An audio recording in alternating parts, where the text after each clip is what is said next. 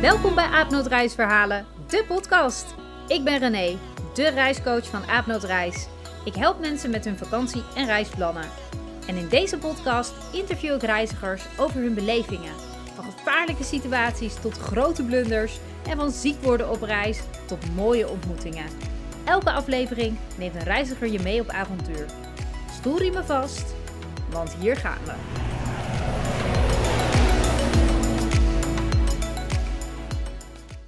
Bij weer een nieuwe aflevering van Abend Reisverhalen, de podcast. In deze aflevering deelt Astrid haar reisverhaal. Astrid die vertrok in 2015 samen met een groep medestudenten voor een stage naar Nepal. Zij ging hier lesgeven in een bergdorp nabij Pokhara.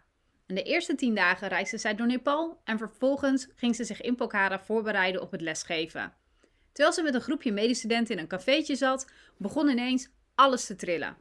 En in eerste instantie dacht Astrid dat er een vrachtwagen langs denderde. Maar toen alles maar bleef schudden en zij moest naar buiten vluchten, werd het al snel duidelijk dat ze een aardbeving meemaakte. Nou, voordat Astrid je meeneemt op dit avontuur, vertel ik je eerst iets meer over Nepal. Nepal ligt in Azië, in de Himalaya tussen India en China. En Nepal wordt ook wel het dak van de wereld genoemd. En dat is niet zo gek, aangezien acht van de tien hoogste bergen ter wereld in Nepal liggen. Waaronder natuurlijk de meest bekende berg, de Mount Everest, die met haar 8848 meter hoog de hoogste berg ter wereld is. Nou, nu hoef je natuurlijk niet per se de Mount Everest te beklimmen als je naar Nepal gaat, maar een bezoek aan de Annapurna-regio, wat onderdeel is van de Himalaya, is zeker een aanrader. Dit land lijkt wel gemaakt voor wandelliefhebbers. Er zijn waanzinnig veel verschillende trekkings die je kunt doen in Nepal, waarbij je langs prachtige berglandschappen wordt geleid, door kleine en traditionele dorpjes en over uitdagende wandelpaden. De hoofdstad van Nepal is Kathmandu en ligt in een vallei die is omgeven door vier hoge bergen. Kathmandu is echt een drukke en chaotische stad. Sommige reizigers ervaren dan ook meteen een cultuurshock wanneer ze aankomen in Kathmandu, vanwege alle geuren en kleuren, drukte en chaos die op hun afkomt. Toch zijn een paar dagen in de hoofdstad wel aan te raden om in elk geval de tempels en het prachtige Durbarplein te bezoeken. Bijzonder aan het Durbar Square is dat hier de Kumari-tempel staat en in deze tempel woont de godin van de maagdelijkheid. In april 2015 is Kathmandu geraakt door een tweetal aardbevingen die kort na elkaar kwamen. En bij deze aardbeving zijn bijna 9000 mensen omgekomen en meer dan 22.000 mensen gewond geraakt. Nou, dat is ongekend veel. De aardbevingen hebben enorm veel schade aangericht en Kathmandu lag destijds in puin. Er zijn veel monumenten verwoest of ernstig beschadigd. En Nepal ligt dan ook in een aardbevingsgevoelig gebied. Vooral tijdens de moesson is de kans op aardverschuivingen en vallende rotsen groot. Informeer jezelf altijd goed wanneer je naar een land reist dat risico's met zich meebrengt, zoals Nepal. Maar laat je nu vooral niet ontmoedigen door dit soort berichten. Want Nepal is een fenomenaal land en het is lastig om er een voorstelling van te maken van al die waanzinnige landschappen wanneer je het eigenlijk nog niet met eigen ogen gezien hebt. De meeste mensen weten wel dat er veel bergen en prachtige landschappen te vinden zijn, maar minder vaak hoor je over het tropische regenwoud dat in het zuiden ligt. Hier vind je diverse nationale parken waar je wildlife kunt spotten. Een van de bekendste parken is Chitwan. Hier leeft de Indische neushoorn, maar ook tijgers en olifanten en met een beetje geluk spot je zelfs een luipaard. meest, de meest relaxe stad van Nepal, dat is Pokhara. En dit is tevens bij uitstek de uitvalsbasis voor diverse trekkings in de omgeving. Ook vind je hier de toegangspoort tot de Himalaya. En in de omgeving van Pokhara kun je paragliden, paardrijden, varen over het meer, raften nou, en nog veel meer. De inwoners van Nepal maken het land net zo bijzonder als het landschap. En in het land waar Boeddha werd geboren zijn de mensen vriendelijk, open en nieuwsgierig. Ze wonen werkelijk overal, van drukke steden met tempels en toektoeks tot stoffige dorpjes tussen spectaculaire rijstvelden. De Nepalese cultuur is misschien wel een van de meest bijzondere in Azië. Kortom, Nepal is meer dan een wandelwalhalla. Dit land is namelijk veel diverser dan je misschien in eerste instantie zou denken en absoluut een van de meest bijzondere Aziatische landen. Wat mij betreft een absoluut bucketlist item.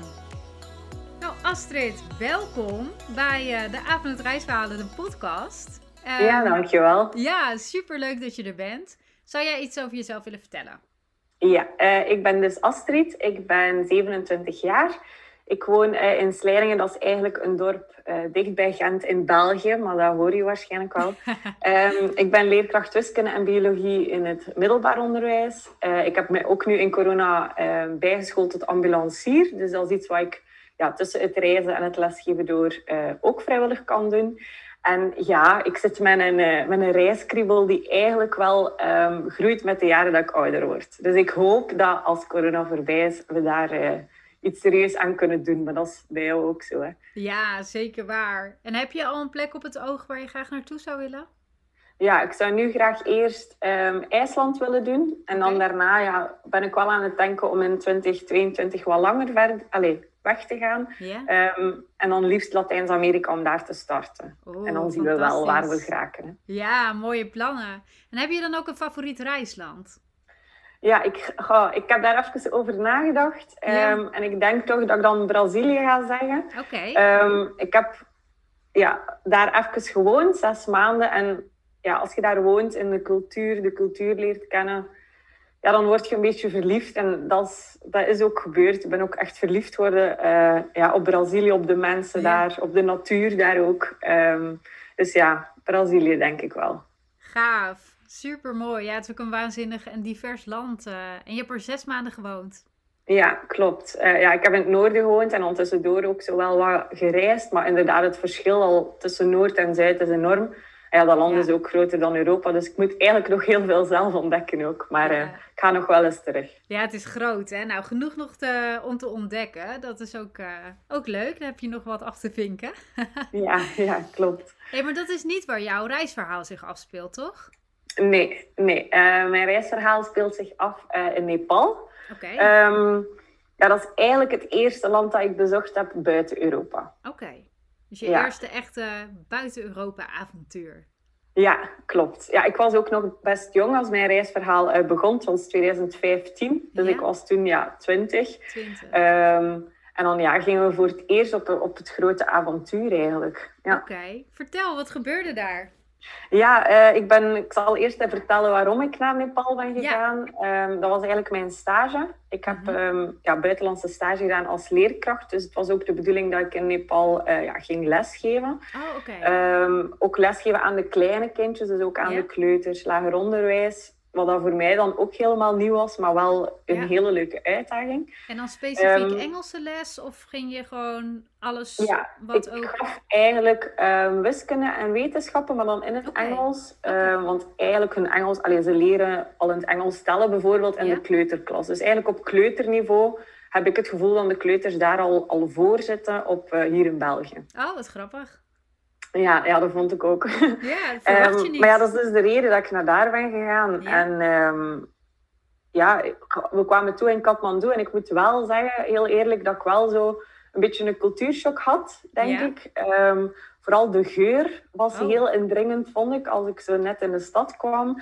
Ja. Ja, het feit ook dat daar heel veel apen zijn, eh, moest, In- ja, in de moest stad? ik ook aan wennen. Ja, in de stad Oh. ook echt. Ja, ik had dat beest nog nooit in het echt gezien. Nee. Allee, in, in het wild. Dus Nee. ehm, dat was wel allee, leuk, eigenlijk. Ehm, we hebben daar ook de eerste dagen echt eh, de stad wel verkend. En het Mhm. voordeel was, denk ik, ja, omdat dat ons stage was, dat wij heel dicht eh, met de locals in contact waren. Dus dat is anders als je gewoon natuurlijk op reis gaat. Ja. Maar we hebben bijvoorbeeld ook eh, lijkverbrandingen meegemaakt, wat Ja. daar wel ook heel mooi is, want die nemen wel op een mooie manier, vind ik, afscheid van mensen. Ehm, maar we hadden wel zo het gevoel dat we zo'n beetje ja, een bende Japanners in Gent waren of zo. En Oké. met, ons, met onze Ja. camera en dan verbaasd van alles wat we tegenkwamen. ja. Ehm, Echt een hele ja. andere wereld die je instapte voor jouw gevoel.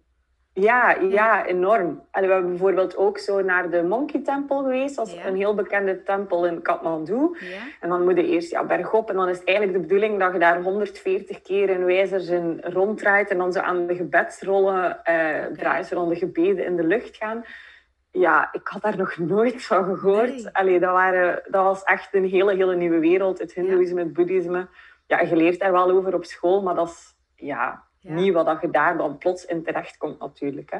ja, precies. Nee, dat kan ik me heel goed voorstellen. En Kathmandu is de hoofdstad van Nepal, toch? Ja, Kathmandu is de hoofdstad. Um, is ook heel druk. Ja. Uh, heel veel getuter. Dat was, Oh, ja? ook, dat was ook heel opvallend. Uh, ja, wegen die zijn niet onderverdeeld, dus iedereen rijdt ook maar ja, waar dat hij wilt. Uh, koeien lopen op straat, want zijn de heilige dieren, dus daar blijven ze eigenlijk af. Ja. Um, dus ja, dat was wel, die stad heeft wel een enorme indruk op ons nagelaten. Maar eigenlijk Snap vonden we dat wel een, een, een leuke, allez, best een leuke stad. Maar ik was Ja. wel blij dat ik zo na een dag of vijf daar even wegkom. Want het, het is wel veel, hè. het Ja. is wel druk. ja, want er, er zijn geluiden, geuren, kleuren, mensen. Ja, alles smaken ook. eraan. Ja. en, wat, voor, wat voor geur overheerste daar vooral? Volgens mij niet een lekkere, als ik jou zo Nee, hoorde. nee, niet de goede geur. Echt, Ja, vooral hangt daar ook bijvoorbeeld heel veel smog. Dus als je dan op de tempel staat, ziet je ook bijna niks. Want ja, het smoggehalte was daar Ja. zo hoog.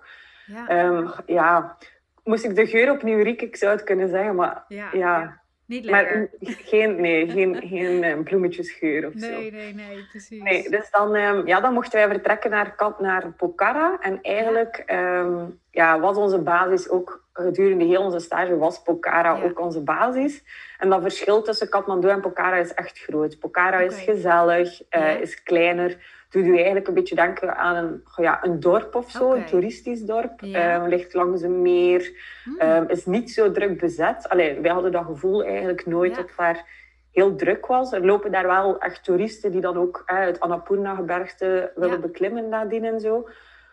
Maar ja, dat is kleiner, dat is gezelliger. Ehm, Klinkt al wel wat idyllischer dan eh, het grote, drukke Kathmandu, eh, als je het zo ja, omschrijft. ja, klopt. En je kon ook heel veel gewoon ehm, ja, met te voet doen of zo. Terwijl in Mhm. Kathmandu was het dan te druk op die banen. In Pokhara is dat eigenlijk ja, best wel kalm. Ehm, en dan hebben we daar ook echt zo ja, ons gastgezin een beetje gekregen. Ehm, Ik sliep in ehm, ja, zo eh, top choice guest home was dat. En dat was bij, bij Cam en Susma. twee ja, Nepalese, Ja. allee, een Nepalese familie met twee kindjes. En wie had En dat dan allemaal geregeld? Die, eh, de plek waar jullie verbleven? Ja, onze school eigenlijk. Dus wij hadden ook onze, onze prof was ook mee die eerste Ja. weken. Ehm, dus zij ja, was al acht keer denk ik in Nepal op voorhand geweest. Dus wij gaan ook meestal zowel als studenten terug. Dus de studenten vandaag die naar Ja. Nepal zouden gaan, gaan bijvoorbeeld ook nog altijd bij dezelfde gastgezinnen. Ja, dus dat wordt gewoon altijd op dezelfde manier geregeld. En met hoeveel studenten waren jullie daar? Eh, in totaal met twaalf denk ik, maar wij reisden eh, rond met acht. Oké. Ja, Ja. en met die acht eh, waren jullie ook dan in Pokhara? Ja, we zijn met die acht in Pokhara gaan. Wij waren daar kort, er waren al studenten ook, Ja. dus wij hebben die eigenlijk vervoegd. Eh, Oké. Ja. Die waren daar al langer, ja. Ja.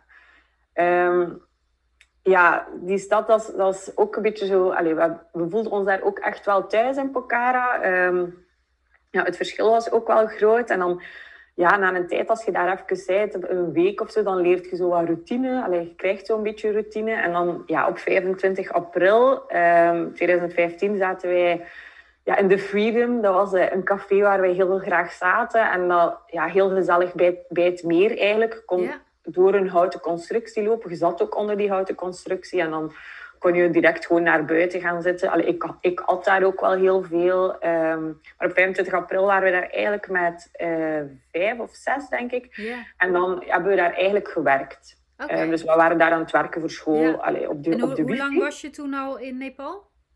Eh, tien dagen, denk ik. Ja. Ja, ja ongeveer. Een, week, een goede week en een half. Ehm, en dan ja, waren we daar zo wat aan het voorbereiden. Hè? Want Ja. denk twee dagen later zouden we vertrekken naar eh, de bergdorpen waar we eigenlijk eh, gingen lesgeven. Dus we gaven geen les in Pokhara zelf, maar Nee. in de nabije ehm, kleinere bergdorpjes. Ja, meer afgelegen dorpen. Ja, je was toen wel al les aan het geven, of dat gingen jullie doen?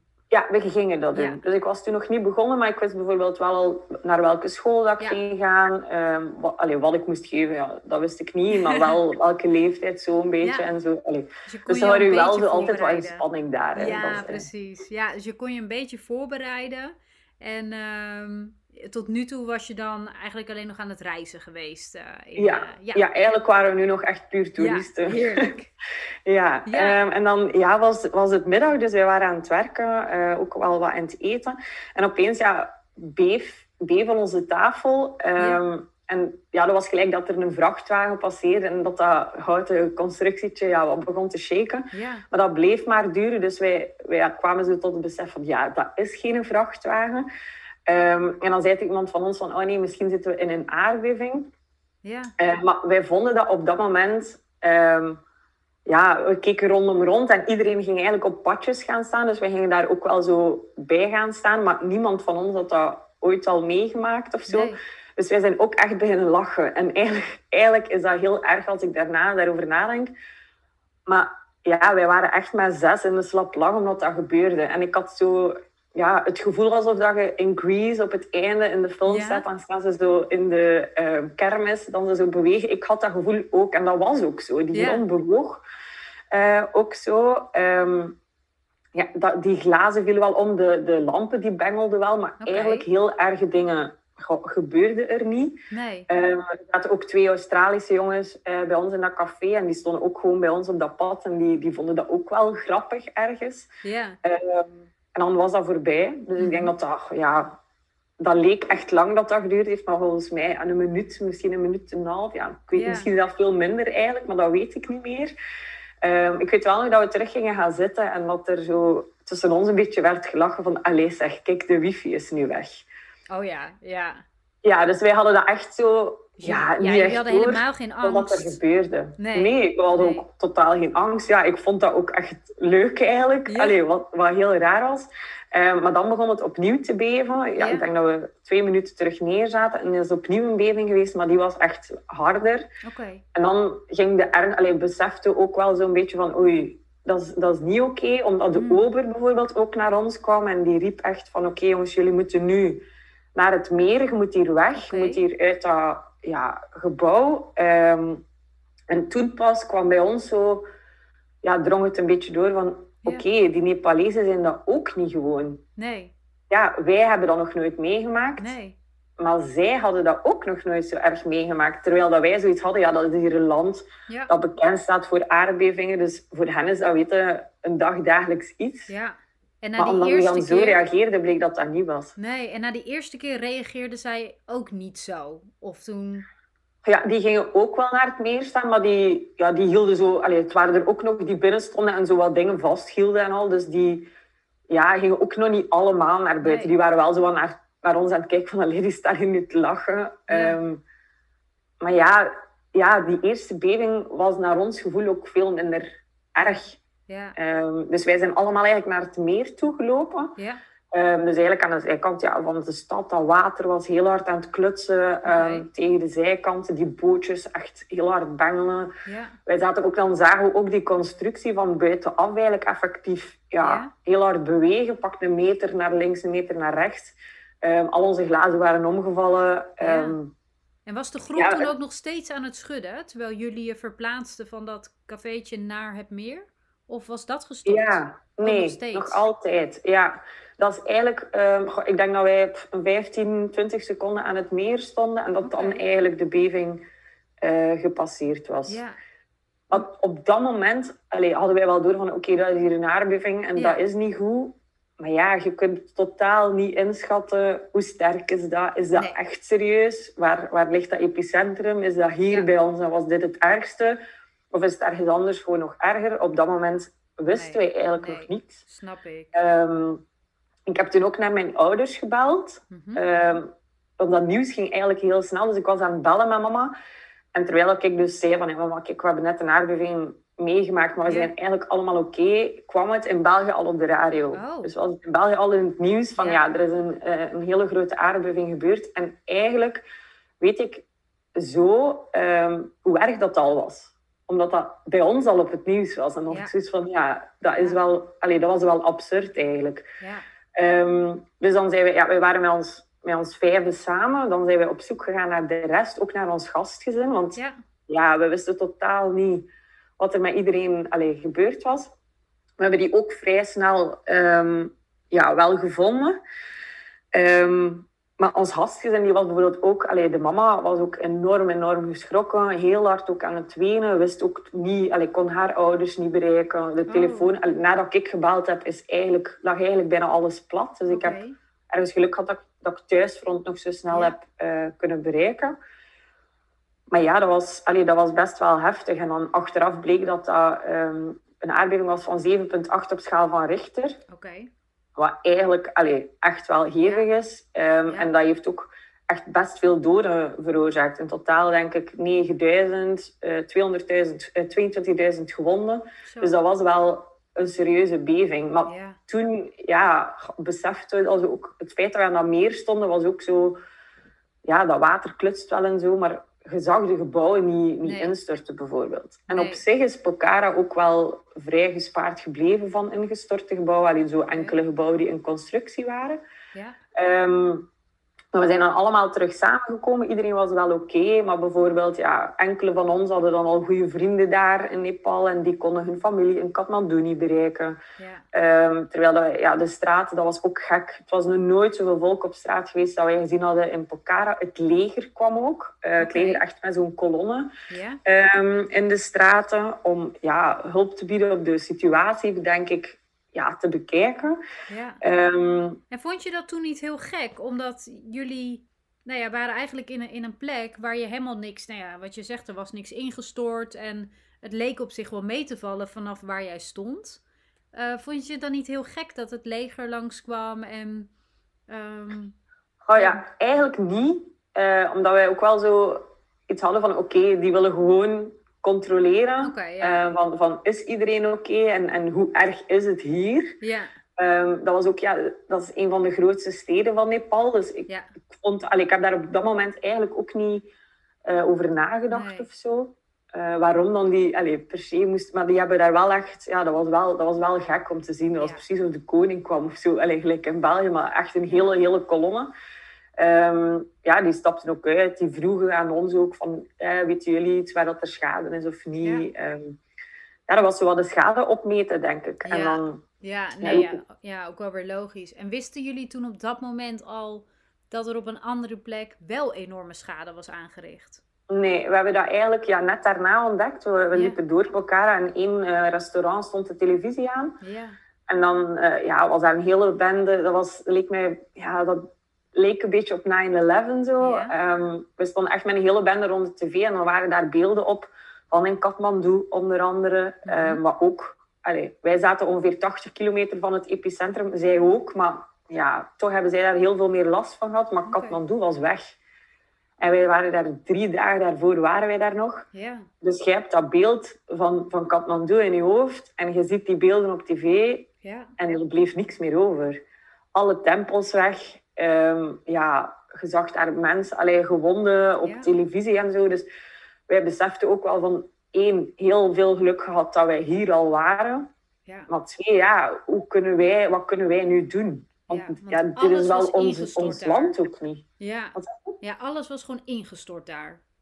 Ja, zo goed als. Eh, ja, we zijn achteraf ook nog gaan kijken en dat was effectief. De meeste tempels waren weg. Er waren flatgebouwen gewoon tegen elkaar gebotst die bovenaan, en allee, die scheef stonden naar elkaar toe en die zo bleven staan. Ehm, heel veel ja, wijken, ehm, een waterput naast ons hotel waar dat wij de eerste dag waren, volledig vol met brokken. Bleek ook dan daar drie vrouwen onder lagen, gewoon door de beving, omdat al het puin daarin was gevallen. Ja, wat Ehm, heftig. En niet meer konden ontsnappen. Dus in Kathmandu was het echt, echt Ja, ja, echt heel erg. Die stad is ook wel heel druk bevolkt. Hè? Dus ja, vanuit het daar iets instort, ja, heb je iets mee. Terwijl in Pokhara, had daar iets ingestort geweest, dan was de schade ehm, wel beperkter geweest, denk ik. ja, ik snap het. En wat ging er toen door je heen toen je dat op televisie zag? Terwijl dat, nee, je was er drie dagen geleden, je bent er vlakbij. Ja, vooral dat we heel veel geluk hebben gehad, denk ik. Maar ook een heel nutteloos gevoel. Ja, Allee, ehm, want wij zijn daar als twintigjarigen. Uh, wij hebben heel veel geluk gehad dat wij toen onze prof eigenlijk nog bij ons hadden. ja, Omdat hij zoveel contacten daar had, dat wij ook ja, met de locals... Ja, je bent daar tien dagen, dus je kent nog niet zo heel veel locals. Ehm, maar het, is, het zijn hen wel dat we moeten helpen. Dat Ja. we moeten proberen helpen. Ehm, en we hebben daar echt moeten ja, naar zoeken van hoe gaan we dat doen? Hoe kunnen wij ons nuttig maken zonder zo gezien te worden als ah, kijk, de slimme blanken gaan het hier gaan regelen of komen regelen. Ehm, maar op zich was ons eerste bezorgdheid wel iets anders. Want ze zeiden in het nieuws bijvoorbeeld, hadden ze eigenlijk voorspeld um, dat de komende 72 uur nog een beving ging gebeuren. En zij schatten dat dat op allez, 9 zou zijn op schaal van Richter. Dus nog erger. Nog zwaarder. En dat het epicentrum meer naar ons toe ging liggen. Dus eigenlijk die eerste ja, drie dagen werd dat een deel van onze realiteit. En ik, ik denk ook niet, moest je dat vragen aan de anderen, dat wij daar op dat moment over nagedacht hebben of Nee. zo. We hebben, ja, wij sliepen s'nachts, sliep bijna iedereen in Pokhara die eerste nacht heeft, heeft buiten geslapen. Ja. Ehm, wij, wij niet, maar wij sliepen op een benedenverdieping, dus onze deur stond gewoon open. Ja. Eh, we zijn ook naar buiten gerend op het moment dat wij voelden van kijk, er is een beving. We hebben tussendoor ook heel veel naschokken gehad, Ja. maar die veel, allee, veel lager waren, 4, 5 op schaal van Richter. Ehm, maar die de nacht, ja, dat beeft. En even moeten denken, oké, is het echt aan het beven of, of zit dat in mijn hoofd? En dan is dat kleren aan en lopen. Ja. Dat, dat is gewoon zo. En dan gaan zitten op het midden van een open pleintje of op de baan op je hukske met je handen boven je hoofd, hoofd naar beneden en hopen dat de trilling gewoon zo snel mogelijk stopt en dat er niets naar beneden komt. Maar wij hadden wel zo... Allee, wel allemaal iets van, wij blijven hier. Allee, je kon- we konden ook niet weg. Hè? Allee, de, de banen waren ook wel kapot, dus wij, wij konden ook niet weg in Pokhara. Maar wij wouden dat ook niet, omdat wij zo onze gastgezinnen niet in de steek wilden laten. Om, om dan te zeggen, ah, kijk, dat gebeurt hier, wij zijn weg en blijf hier maar achter. Ja, Ja, dat is wel heel dapper.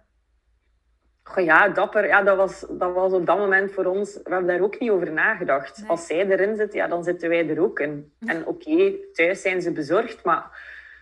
Ja, dat is ook ergens de schuld van, van de media in België geweest, denk ik. Dat ze dat zo heel hard hebben opgeblazen. Dat wij daar met twaalf zaten ehm, in die aardbeving. Maar eigenlijk viel het bij ons mee. Ja. Allee, zo, ze, leken dat, ze lieten dat uitschijnen alsof dat wij allemaal in Kathmandu zaten. Ja. En dat wij daar, ik weet niet waar hebben gezien, maar eigenlijk heb ik geen super erge dingen gezien. Allee, geen, geen doden met... met allee, dat heb ik allemaal niet gezien. Dus voor ons vonden wij dat heel jammer dat de media dat zo wel heeft Ja. opgeblazen.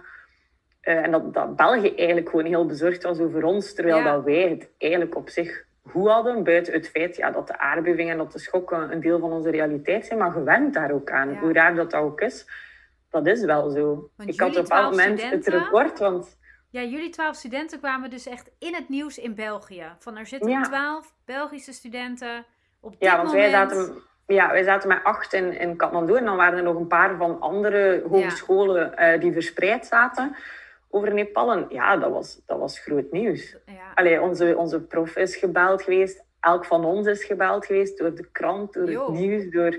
Ja, dat was heel raar, maar ja, ja. België en een aardbeving, dat, Ja. dat gebeurt niet. Hè? Dus ik weet ook niet waarom dan ze dat per se zo hebben opgeblazen. Nee. Maar ja, en die, dat was en wel die zo. voorspelling, want je gaf net aan dat ze zeiden van nou binnen 72 uur verwachten ze nog een grotere aardbeving. Is die gekomen? Nee. Oké. Ehm, ja, dat is meestal zo als ik op iets wacht dat niet komt. Hè. Ehm, nee, dat is niet gebeurd. Wij zijn wel heel erg op ons goede of zo gebleven. Enkele dagen, maar dan op een bepaald moment hadden ze zoiets... Ja, weet je, hoe kunnen ze dat ook voorspellen? ja. Ehm, ja, want dus er waren wel eigenlijk- veel naschokken. ja, ja, Ja. continu. Ja. Allee, s'nachts, overdag. Eh, ik denk dat we de derde nacht pas voor het eerst hebben kunnen doorslapen. Zeven uur lang bijvoorbeeld, zonder grote naschok, dat we ervan wakker werden. Dus er zijn wel continu naschokken geweest, maar dat werd om den duur, ja, ik zeg het, ik, op drie seconden had ik mijn kleren aan en stond ik buiten. Op, Ja. allee, liep ik naar buiten voor op mijn hukje te gaan zitten. Dus dat is een deel, ja, gewoon van hoe het daar op dat moment is. Ja. En, en ja, je overlevingsinstinct of zo, denk ik. Ja. Ehm, en ben maar je het was nooit echt wel- bang geweest dan? bang? Ja. Goh, eigenlijk niet, denk ik. Ik denk dat ik maar ook thuis achteraf heb beseft in wat dat ik eigenlijk zat. Ja. In welke situatie dat ik zat. Want op dat moment ah ja, waren wij vooral bezig met, met de Nepalese bevolking en wat dat wij konden doen. En, en wij zijn dan bijvoorbeeld ook naar ehm, het hospitaal geweest in Pokhara. Oké. Ja, je moet weten, in, in Nepal zijn er eigenlijk maar twee hele grote ziekenhuizen. Dus één in Kathmandu, Ja. ja, wat, wat overbezet was. Ik weet zelf eigenlijk niet of dat, dat ziekenhuis wel nog recht stond of niet. Dat Mhm. weet ik eigenlijk niet. Nee. Eh, in Pokhara zelf, ja, ik denk dat dat het ergste is wat ik gezien heb. Want ja, heel veel Nepalezen wonen natuurlijk niet in de stad, maar in bergdorpen daar Ja. rond. Dus die, die kwamen te voet vanuit Bergdorp naar de stad om naar een ziekenhuis te kunnen. Die hadden buiten een veldhospitaal gemaakt, waarin dat patiënten met dekens werden verlegd, waar dan infusen in de bomen hingen, waar dan ze echt personeel en handen tekort hadden. En wij stonden daar als, als domme blanke kinderen eigenlijk te kijken, want wij wisten niet wat we moesten doen. We hadden ook allemaal geen medische achtergrond. Anders zouden we zeggen, ja, kom, help me even. Maar dat ging niet. Dus dan hebben wij zo een beetje geprobeerd om, om, om de kindjes te, te entertainen. Maar wij voelden ons daar ook niet, niet zo goed bij, want dat was niet nuttig. En ergens is dat allez, egoïstisch dat je zelf nuttig wilt voelen, maar dat, op zo'n moment is dat wel. Want jij zijt daar, jij maakt dat mee samen met hen. Maar je hebt wel meer, meer middelen of zo dan, dan zij hebben. Ja, uh, dus we hebben daar wel even moeten naar zoeken hoe dat we die middelen dan net konden inzetten. Ja, ja jullie wilden gewoon echt heel graag helpen. Ja, ja. ja vooral dat. En, en ook omdat wij zagen wat dat ja, deed met de bevolking. Allee, ik was daar nu wel en, en had er daar iets ingestort geweest, super erg, maar dat had mijn huis niet geweest. Nee, nee, ik snap het. Snap je? Dat, allee, bij hen is dat wel, hè. als er iets instort, dat is hun huis, dat is al hun hebben en houden, dat dan weg is. En zij hebben ook niet ja, het materiaal om daar, of om vooral de financiën, om daar zelf iets aan te doen. Eh, dus we hebben dat ook laten weten aan onze hogeschool. En, en onze ouders hadden ook al laten weten van kijk, als we iets kunnen doen financieel, laat het weten. Ja. En ze hebben dan ook effectief zo'n crowdfunding uh, in België opgezet. En we hebben daar oh, echt vrij veel geld wel mee verzameld. Ja. En dan zijn we projecten beginnen zoeken. Net zoals andere toeristen. Hè? Want wij waren daar eigenlijk allee, zeker niet de enige. Dus um, ja, verschillende toeristen zijn gewoon via locals beginnen op zoek gaan naar bergdorpen waar er nog geen hulp naartoe was geweest. Auto's beginnen regelen, boodschappen beginnen doen. Ehm, ik ben ook naar een dorp gereden, wel twee weken al, of een week en half al achter de eerste beving, uh, allez, op, op 25 april. Zijn we naar een bergdorp gereden dat 20 kilometer van het epicentrum lag. Dat dorp was volledig weg. Dat lag ook in de jungle. We hadden drie uur en een half, vier uur moeten rijden voordat we daar konden zijn. We hebben het laatste half uur moeten wandelen, want daar kon geen auto naartoe. Ja. En wij kwamen daartoe en dat was ja, een, een dorp van 100 mensen, denk ik. Ik denk dat daar 25 huisjes stonden. En dat was precies of de bulldozer had gewoon alles platgereden. Ja, wow. stond één, één stal stond nog recht en, en de mensen sliepen daar onder zeilen. En, allee, dat, is, dat is te gek voor woorden als je dat, als je dat ziet. En dan besefte van oké, ja, hier, hier kunnen wij wel iets helpen. Je kunt die mensen niet, niet beter maken. Je kunt die op korte termijn niet zoveel helpen. Maar we hadden 300 kilo rijst meegepakt. We hadden zeilen mee, uh, lepels, ehm, ja, bekers, water. Gewoon zo de, de eerste basisdingen. Want die hadden in, in die week en dat dat gebeurd was, nog niemand gezien van niets. Nee. Oh, dus wat goed dat jullie dat gedaan hebben, hè? Ja, ja, dat is ook zo. Allee, we hebben daar ook echt super veel dankbaarheid van gekregen, want die hadden niks meer. En dan zijn ze ons bloemen komen brengen. En, allee, oh, wat lief. We hebben zo, zo meerdere dorpen wel kunnen doen. En, en dat was dan voor ons ook zoiets van, kijk, wij, wij zijn hier echt nu voor een reden. We kunnen hier effectief iets komen doen of zo. Snap ik. Ja, ja, dan wat fijn in ieder geval dat jullie dan toch iets hebben kunnen doen. Want dat is ook een beetje de strekking die ik haal uit jouw verhaal. Dat, nou ja, dat het gevoel dat je iemand wilde helpen, dat overheerste alles. Gewoon, dat overheerste je angst, dat overheerste nou ja, elk ander gevoel eigenlijk, wat je had kunnen hebben op zo'n moment. Ja, dat, dat, is ook wel zo. En dat was ook zo bij elk van ons. Want eigenlijk wou België dat wij terugkwamen. Ja. Uh, ze hebben dat meerdere keren ook via onze hogeschool eigenlijk bijna ons opgedrongen. Um, maar ja, wij, wij wouden dat ook niet. Nepal wou ook internationale hulp. Maar als puntje bij paaltje kwam lieten ze bijvoorbeeld het BIFAS-team van België niet binnen. Ja. Ehm, al het geld dat er was, um, moest eerst via de regering gaan om dan tot bij de mensen te komen. Terwijl mhm. er dan bovenop boven op de top heel veel discussie is geweest van kom, laat al direct naar de gouverneurs gaan bijvoorbeeld. Maar ja. die overheid is daar zo corrupt dat dat, dat dat gewoon heel hard in de soep draaide. Dus het feit dat wij daar waren en eigenlijk uiteindelijk, want de ATM's hebben even stilgelegen, maar uiteindelijk zelf het geld konden af stappen allez, pakken en, en dan daar iets effectief op kleinschalig niveau mee doen. Dat was ook wat wij allemaal als toeristen moesten doen, want van, ja. van hogeraf ging dat allemaal niet gebeuren. Wat goed. Ja, echt wel een hele mooie wending dan van, eh, nou ja, natuurlijk een tragische gebeurtenis. Zeker voor de, hè, de lokale bevolking die gewoon echt hard zijn getroffen. Dat je aangaf mensen hun huis kwijt, en noem maar op. En dat jullie dan met z'n allen de krachten gebundeld hebben om ervoor te zorgen dat, ehm, ja, dat mensen gewoon hulp kregen. Ja, ja, en dat was ook zo, allee, onderling ook. Hè. De Nepalese onderling ook, hebben elkaar ook echt super veel geholpen. En dat maakte niet meer uit van waar dat je kwam en wie dat je waart. En als je ja, gewoon maar elkaar kon helpen en je, je, je bedankte elkaar met bloemetjes geven en zo. Allee, ehm, uiteindelijk zijn we nog terug beginnen lesgeven ook. Um, ja. Ja, het was nationale rouw geweest, dus alles had stilgelegen. Um, en we zijn nog terug beginnen lesgeven. En, en dat was ook wel zo, oké, een beetje terug naar, naar het normaal of zo. Wel altijd op je hoede. En er waren ook wel nog wat naschokken. Maar op zich wel oké. En dan is er juist nog, ja, op 12 mei, dus eigenlijk oh ja, een, een drie weken en een half na de eerste beving, nog een mhm. tweede grote beving geweest. Ja. Um, die was 7,4 op schaal van Richter. Dan zat ik uh, in Bourgoncola in, in het bergdorp uh, bij mijn kleutertjes. Ja. En dan zijn al zo geroutineerd in het aardbeving zijnde dat, dat ik echt meteen twee kleuters heb gepakt en dan eh, geroepen naar al mijn kindjes van kom, we gaan naar buiten. En heel de school loopt leeg. Iedereen op de speelplaats opnieuw handen boven hoofd. Uh, maar de school is blijven staan. Iedereen oh, naar huis gestuurd. Ja. En dan um, ja, zei België ook van kijk, uh, ze verwachten nog altijd een beving. Dat is nu nog altijd ook zo. Hè. Ze zeggen van die platen liggen nu op elkaar en gaan ooit weer naast elkaar uh, gaan. Maar ja, wij voelden ons zo schuldig dat België zei van kom, je moet terug. Uh, Want het is niet veilig, maar dat je dan wel al de mensen die je intussen hebt leren kennen en al de locals die je eigenlijk al in je hart hebt gesloten, moet zeggen van ja, kijk, voor ons is het niet veilig, dus wij moeten terug.